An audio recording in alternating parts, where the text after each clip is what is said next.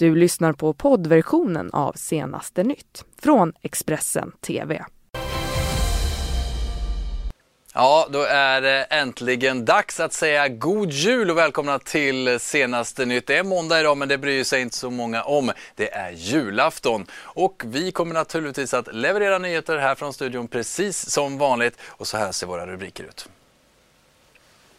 Ja, flera olyckor i jultrafiken men faktiskt hittills lugnare än i fjol. Och så dödssiffran i Indonesien fortsatt att stiga. Det finns också rädsla för ny tsunami. Och Frankrikes president beklagar djupt Donald Trumps beslut att dra tillbaka trupperna från Syrien. Ja, god morgon och välkomna alltså. Sveriges Radio meddelar nu på morgonen att antalet kalla fall hos polisen ökar kraftigt. Kalla fall handlar ju om olösta grova brott, oftast då mord, där det inte längre finns några utredningsuppslag. Orsaken till den här stora ökningen är framförallt då gängrelaterade skjutningar i storstäderna. Och så ska vi ta en titt på trafiken. Vi har gett er uppdateringar om den under de senaste intensiva dagarna. Och eh, det har ju varit snö på flera håll under gårdagen och temperaturer som krupit under nollan och därför också halt med mycket bilister ute på vägarna. Under fredagen och lördagen rapporteras det om flera olyckor och långa köer och även på söndagen så hade vi många rapporter om olyckor även om trafiken började mattas av under kvällen. Det har varit en, en hel del eh, singelolyckor. Men eh, eh, jämfört med förra julen så eh, verkar det vara lite lugnare därför att man har haft fler valmöjligheter att åka iväg. Alltså både fredag, lördag och söndag. På söndagskvällen fick fyra personer föras till sjukhus efter att två personbilar frontalkrockat på Göta älvbron i Göteborg i riktning mot stan. Halkan ställde också till det i Skåne. Strax efter lunch körde en bil in i mitträcket på väg 11 öster om Staffanstorp vilket skapade stora trafikstörningar. Det var även långa köer på E4 norr om Gävle under kvällen efter att en bil kört ner i diket. Och på E4 mellan Norrköping och Nyköping var det kilometerlånga köer på grund av två trafikolyckor på kort tid. Men tills julafton så väntas trafikläget ha lugnat ner sig. Jag tror att de stora transporterna längs de, de här lederna som normalt kanske inte har lika mycket trafik som upp mot eh, fjällvärlden, in mot eh, Jämtlandsfjällen, Härjedalen, Dalafjällen och så vidare. Det kommer nog ha ebbat ut eh, till stor del imorgon tar vi oss till Göteborg där ett bråk inträffade på en nattklubb på Kungsportsavenyn och Eh, det var ett tiotal personer inblandade. Fyra är nu gripna misstänkta för våld mot tjänsteman efter att då ha hamnat i slagsmål med ordningsvakterna. Ingen av vakterna skadades allvarligt i samband med det här bråket. Och så går vi då utrikes där nu minst 281 människor har dött och över 1000 skadats efter tsunamin som drog in helt utan förvarning på de indonesiska öarna Java och Sumatra på lördagskvällen. Vi ska höra CNNs eh, Ivan Watson rapportera från Indonesien. Indonesian authorities say the deadly tsunami struck at around 9:37 p.m. on Saturday night on both sides of the Sunda Strait, hitting the eastern side of Sumatra, the western side of Java. And they say it was caused by what they believe was an underwater landslide triggered by volcanic activity, not an earthquake, but by volcanic activity coming from Anak Krakatau. Now, that translates into English as Child of Krakatoa. This is an island that emerged about 50 years after the infamous eruption of the volcano Krakatoa in 1883, which killed more than 30,000 people in the 19th century and sent such an enormous ash cloud into the sky that it is believed to have driven down global temperatures. This island came up after that, and it has been very active in recent months, Indonesian authorities say. And they believe that's what sent this wall of water surging towards the coastline on what has was supposed to be a holiday weekend for a national Christmas holiday in Indonesia. So some of these coastal resorts were packed full.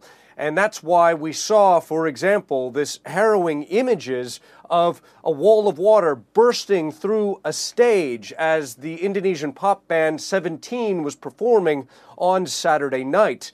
After that, the following morning, the lead singer of the band emerged and uh, made a plea for people to pray for his missing loved ones, which include his wife, and he said that some of his band members had been killed.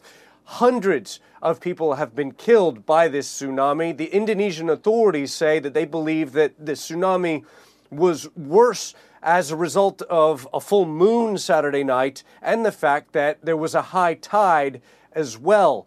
A leading Indonesian official in the uh, National Disaster Management Agency there says that there need to be more multi hazard early warning systems for scenarios like this underwater landslides. I'm Ivan Watson reporting from Hong Kong. Ja, ett indonesiskt popband höll en spelning nära stranden när den här tsunamin plötsligt då svepte in och drog med sig både scenen och publiken. Och vi ska nu höra på frontsångaren i bandet 17 som berättar hur bandets manager och basist dödades i den här tsunamin och att hans fru fortfarande finns bland de saknade.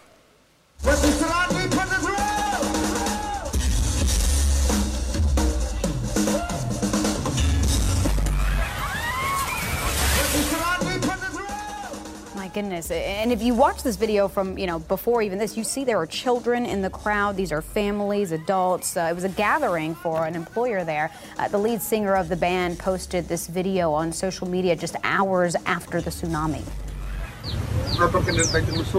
I just want to say that our bass player, Benny, and our manager, Oki Wijaya, passed away. I also ask for prayers for my friend Andy, Herman, and Ujang, who is still missing at this time. Also, my dear wife is still missing. The rest of us have broken bones, minor injuries, including me, but we are fine. Please pray that we can find Andy, Herman, and Ujang, and my wife. I Östersjön har nu rörläggningsskeppet Solitär flyttats från finländska vatten och eh, nu lagt de första rören i Sveriges del av Östersjön. Det här rapporterar P4 Blekinge. Det här ryskledda projektet syftar då till att öka Rysslands export av fossil gas till Västeuropa och därmed skulle det också kunna då beröva Ukraina stora inkomster och göra landet ännu mer sårbart för rysk aggression befarar politiker i EU. Misstänksamheten mot Rysslands avsikter har dock bidragit till att Danmark ännu inte har godkänt den här ledningen och det gör att den eh, då kan hamna ännu närmare Sveriges kust. Det här skriver TT om idag. Nu till att USAs president eh, Donald Trump eh, motiverat sitt beslut att dra tillbaka samtliga trupper från Syrien och han menar att terrorrörelsen IS är besegrad. Men nu fruktar de allierade att den här återkallelsen av den amerikanska militären kan få förödande konsekvenser. An ISIS inspired shooting at a Christmas market leaves five dead in France. Two Scandinavian tourists beheaded in another ISIS inspired attack in Morocco. All in the month U.S. President Donald Trump tweeted the terror group defeated in Syria. We have won against ISIS. Trump's decision caught administration officials off guard. Defense Secretary James Mattis resigned, followed shortly by anti ISIS envoy Brett McGurk, who just this month reassured allies in the region the U.S. would finish the job. Uh, nobody is saying that they're going to disappear. Um, nobody's that naive. So we want to stay on the ground to make sure that uh, stability can be maintained. I think it's fair to say Americans will remain on the ground uh, after the physical defeat of the caliphate until we have the pieces in place to ensure that that defeat is enduring. Trump, who claimed he doesn't know McGurk, called him a grandstander. On the heels of the president's victory tweet, ISIS in Syria launched a new deadly offensive. The terror group still holds land in Syria, while their leader, Abu Bakr al Baghdadi, remains at large. The United States' main ally against ISIS, Syrian Kurds, are now abandoned, weakened, and exposed. Turkey assured the Trump administration they could defeat the terror group, But any operation in northern Syria would likely start a new confrontation between the sworn enemies, Turks and Syrian Kurds. Chaos ISIS would likely exploit. Republican Senator Bob Corker had strong words about Trump's decision on CNN's State of the Union. We're just a few months away from finishing something that we started uh, where we would annihilate a large number of ISIS members, and we stopped.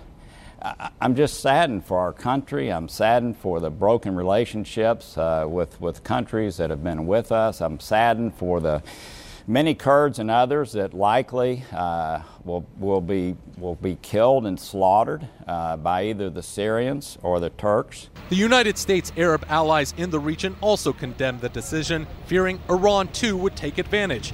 Even senior Israeli political and military officials, usually staunch supporters of Trump, expressed sharp criticism, fearing a Tehran power grab. Despite the backlash, the U.S. administration remains defiant. Let's defend our national security. Let's put America first, but let's not spill American blood to fight the enemies of other countries, as is the case in Syria. But more eyes on Iran could lead to fewer on ISIS. The terror group's affiliates still actively operate across North Africa and in Afghanistan, another country where Trump wants to see U.S. troops leave. Defeating ISIS will only come down to destroying their safe havens, but the ideology as well. A premature mission accomplished, likely sowing the seeds of future attacks. Ian Lee, CNN, Jerusalem. Mm, Trump ska under gårdagen då talat med Turkiets eh, president Erdogan och under det här samtalet så beskrev Trump reträtten från Syrien som långsam och noggrant planerad. Alltså inte den här snabba reträtten som han då beskrev för bara några dagar sedan. Och det var ju alltså den 19 december som Trump då högst oväntat förklarade att samtliga 2000 soldater skulle tas hem från Syrien. Detta alltså som en följd av att eh, IS hade besegrats. Kritiken har varit stenhård från såväl demokrater och republikaner och Frankrikes president Emmanuel Macron sa igår att han djupt beklagar Trumps beslut. En allierad ska man kunna lita på, sa Macron under en presskonferens i N'Djamena i alltså afrikanska Chad. Frankrike har ju deltagit med flygunderstöd i kampen mot IS sedan eh, 2015. Ja, vi ska också få en liten härlig avslutning på den här nyhetssändningen för vi ska hem till ett par riktiga julentusiaster. Varje år förvandlas nämligen Mats Erikssons och Kjell Dahlqvists hem i Göteborg till en julens högborg och det är fyllt av julmusik, tomtar och ändå glamour. Ja, det är så tråkigt året runt med lite högtider och sånt och på jul är det så mycket. Och då tycker jag man ska göra det bästa av situationen. Man ska ha mycket av allting. Too much of everything is just wonderful. jag håller med. För Mats och Kjell handlar det också om att välkomna vännerna under julen. Särskilt de som inte har någon att fira med. Det är alltid någon som är ensam. Och eh, ja, någonstans ska man gå på jul. Det kan ju vara lite sorgligt att man inte har någonstans att gå. Och vänner som kommer hit tycker att det är helt fantastiskt. Det är som att komma till en annan värld. I fjol var deras hem utsmyckat likt ett glittrigt vinterland med vitt och silver som temafärger.